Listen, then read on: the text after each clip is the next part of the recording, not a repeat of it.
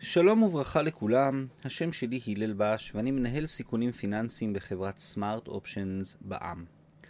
והיום אני רוצה לדבר איתכם על נושא מתקדם בתחום של הנדסה פיננסית. מדד הפחד ירד בחודשים האחרונים. איך אפשר להרוויח מזה?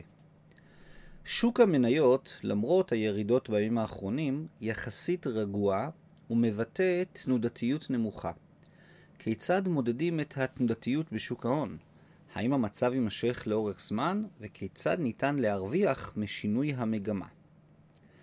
מדד התנודתיות בשוק ההון האמריקאי נמצא כעת ברמות הנמוכות שלו בשנה האחרונה. אולם ישנה דאגה רבה בקרב ציבור הולך וגדל של משקיעים שהמצב לא יימשך לאורך זמן. רבים וטובים חוששים מהעלאת מיסים למימון גירעונות הקורונה, מאינפלציה גבוהה כתוצאה ממדיניות הבנקים המרכזיים, ומפיצוץ בועות מנופחות במחירים של מניות מסוימות בענפים טכנולוגיים חדשניים, כמו טסלה וכולי. מהי תנודתיות? מחירים של ניירות ערך נעים מעלה ומטה לפי היצע וביקוש. בטווח הקצר, ההשפעות השונות על המחיר מובילות לכך שלא ניתן לדעת מה בדיוק יקרה בעוד שעה, יום או שבוע. המחיר עולה ויורד בקצבים משמעותיים, וכתוצאה של החלטות שונות של הרבה מאוד משקיעים גדולים וקטנים. התנודתיות היא מדד יחסי, הבוחן עד כמה המחיר של נכס פיננסי משתנה לאורך זמן. תנודתיות מתמקדת בשאלה מהו טווח המחירים. ככל שהטווח רחב יותר, התנודתיות גבוהה ומשמעותית יותר. ככל שהטווח קטן ומצומצם יותר, התנודתיות נמוכה יותר. שונות היסטורית נהוג למדוד תנודתיות בעזרת מדדים סטטיסטיים מוכרים כמו שונות או סטיית תקן. בהנחה שהתנודתיות ההיסטורית של נכס פיננסי טובה בחיזוי העתיד, ניתן לומר כי ככל שהשונות של מחיר נייר הערך גבוה יותר, כך ישנה הסתברות גבוהה יותר לכך שהמחיר יעלה או ירד בצורה קיצונית יותר. היינו, בגלל שטווח המחירים יותר רחב, יש יותר סיכוי שנגיע לאחת הקצוות. אבל יש כאן בעיה. התנודתיות ההיסטורית של מחירי מניות נמצאו כמאוד מוגבלים בחיזוי השונות העתידית. אז ההסתמכות על השונות ההיסטורית של נכס פיננסי לא מאוד יעילה. מדד הוויקס על מנת להתמודד עם המגבלה המוכרת של השונות ההיסטורית, שוק ההון פיתח מדד תנודתיות מתקדם יותר, הנקרא Volatility Index, או בקיצור, VIX. ה-VIX הינו מדד מוכר וידוע ומתקדם, המחושב על ידי אחת הבורסות הגדולות בעולם הנמצאות בשיקגו, ה-CBOE, ה-Chicago Board of Options Exchange. מדד הוויקס מחשב תנודתיות סופה עתיד של משקיעים, כפי שעולה מהמחירים של אופציות על מדדי שוק מרכזיים אמריקאים כמו מדד S&P 500. מבלי להיכנס יותר מדי לפרטים הפיננסיים המאוד מורכבים, ננסה לפשט ולומר כי מדד הוויקס בוחן את עלויות גידור הסיכונים, הביטוח, של השקעה במדד שוק מרכזי. מתוך המחירים של הביטוח הנגזרים הפיננסיים, הוויקס מחשב את הציפיות העתידיות של המשקיעים אודות התנודתיות של שוק ההון האמריקאי. הוויקס בעצם מחשב את סטיית התקן הגלומה של האופציות השכירות על מדד השוק S&P 500.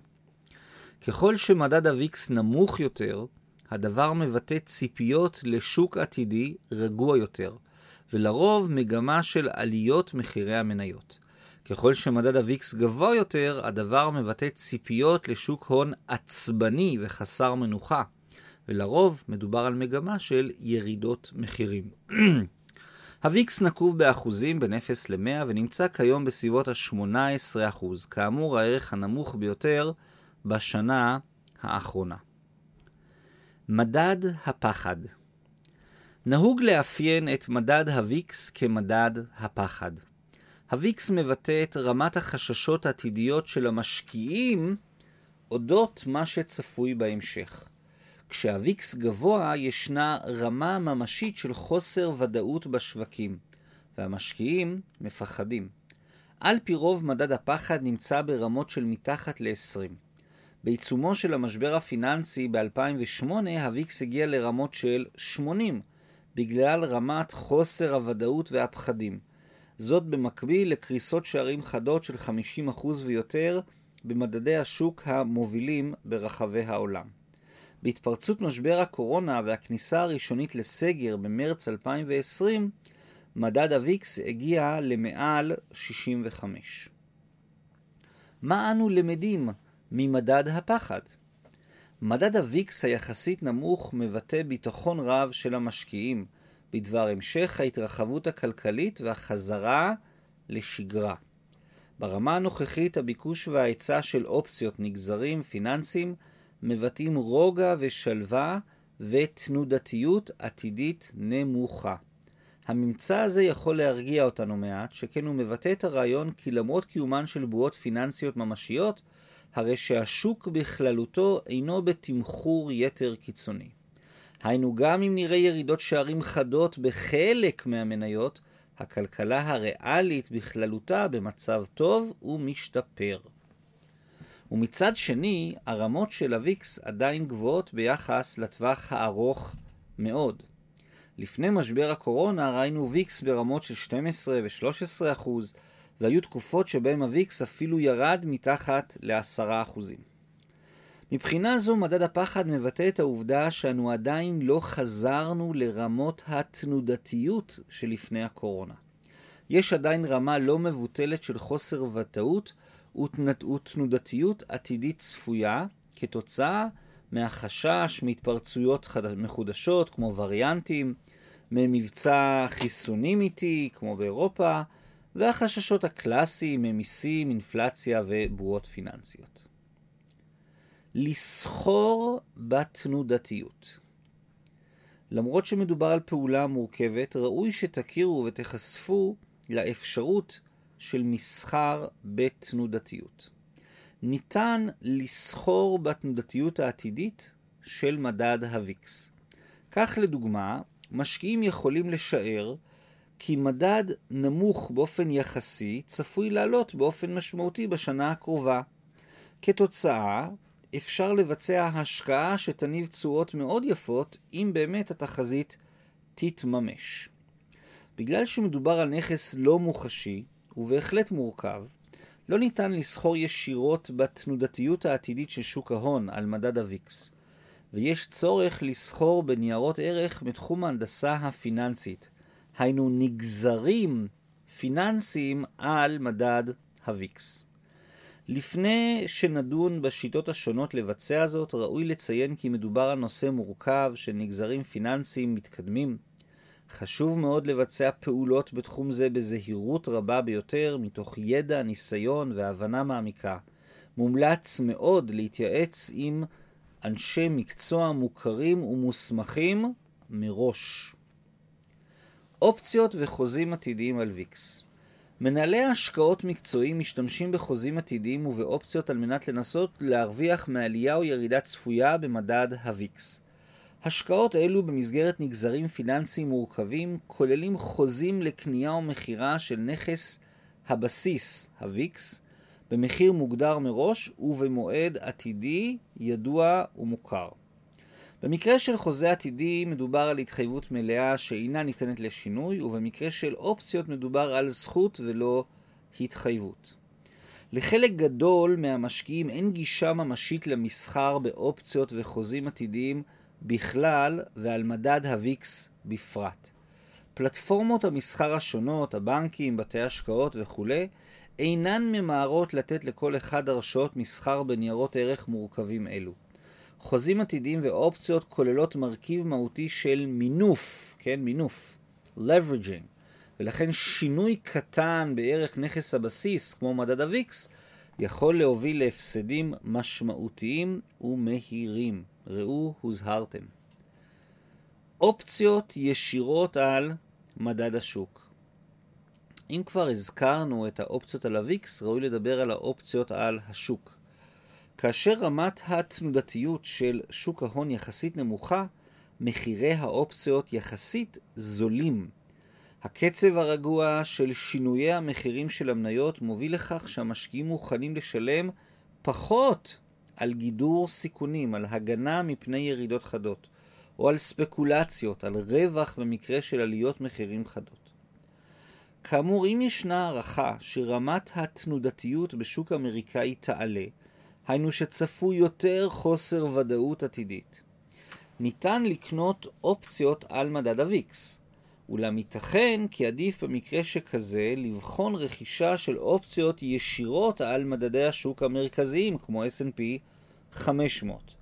כך פותחים פוזיציה הן על התנודתיות והן על הכיוון הצפוי של שוק ההון. תעודת סל אם המסחר בנגזרים פיננסיים של אופציות וחוזים עתידיים קצת מפחיד משקיעים, ובצדק רב, ראוי לשקול אולי משהו קצת יותר, קצת יותר מובנה, היינו השקעה בתנודתיות של שוק ההון האמריקאי דרך תעודת סל, ETN, Exchange Traded Note. אחת המוכרות והסחירות ביותר הינה תעודת הסל VXX, אוקיי? iPath S&P 500 VIX Short Term Futures.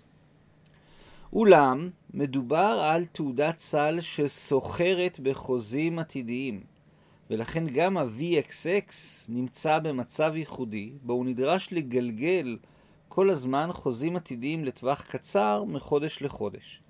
הפעולה הזאת של מכירת החוזה העתידי הקרוב על מנת לקנות את החוזה העתידי הרחוק יוצרת עלות מובנית שנקראת בתחום הפיננסי ה-carry costs. על כן, מי שמחזיק את תעודת הסל לתקופה ממושכת צפוי להפסיד כסף. תעודת הסל שוחקת את ההשקעה, ולכן מומלץ להימנע מאוד בשימוש בה להשקעה לטווח ארוך. כמו כן, עלויות גלגול החוזים עתידיים יוצרות בהכרח פער ממשי בין תעודת הסל עצמה, ה-VXS, ה-VXX, לבין הנכס הבסיס שאותה היא מתיימרת לחכות, ה-VIX, וזה נקרא בשפה המקצועית טעות עקיבה, או tracking error. העיסוק בתנודתיות עתידית של שוק ההון עשוי להיראות מעט מסובך. אך גם משקיעים שאינם מעוניינים לבחון הזדמנויות השקעה בתחום הוויקס, יפיקו ערך מוסף מבחינה תקופתית של מה קורה במדד הפחד. מעקב אחר רמת התנודתיות הצפויה של שוק ההון האמריקאי, שהינו ביטוי פיננסי לחששות של המשקיעים, עשוי לעזור מאוד בגיבוש השקפה אסטרטגית אודות החזית עתידית של שוק ההון בכללותו. הבנה טובה בנושא מתקדם זה יש בה בכדי להתוות כיוון ולעזור למשקיעים הנבוכים לקבל החלטות מושכלות יותר אודות העתיד. היה קצת מורכב, אבל אני מקווה שהבנתם קצת מה זה ויקס ומה זה תנודתיות. השם שלי הלל בש. אני מאוד מודה לכם על ההקשבה, ומקווה לראותכם בפרק הבא. תודה רבה רבה. להתראות.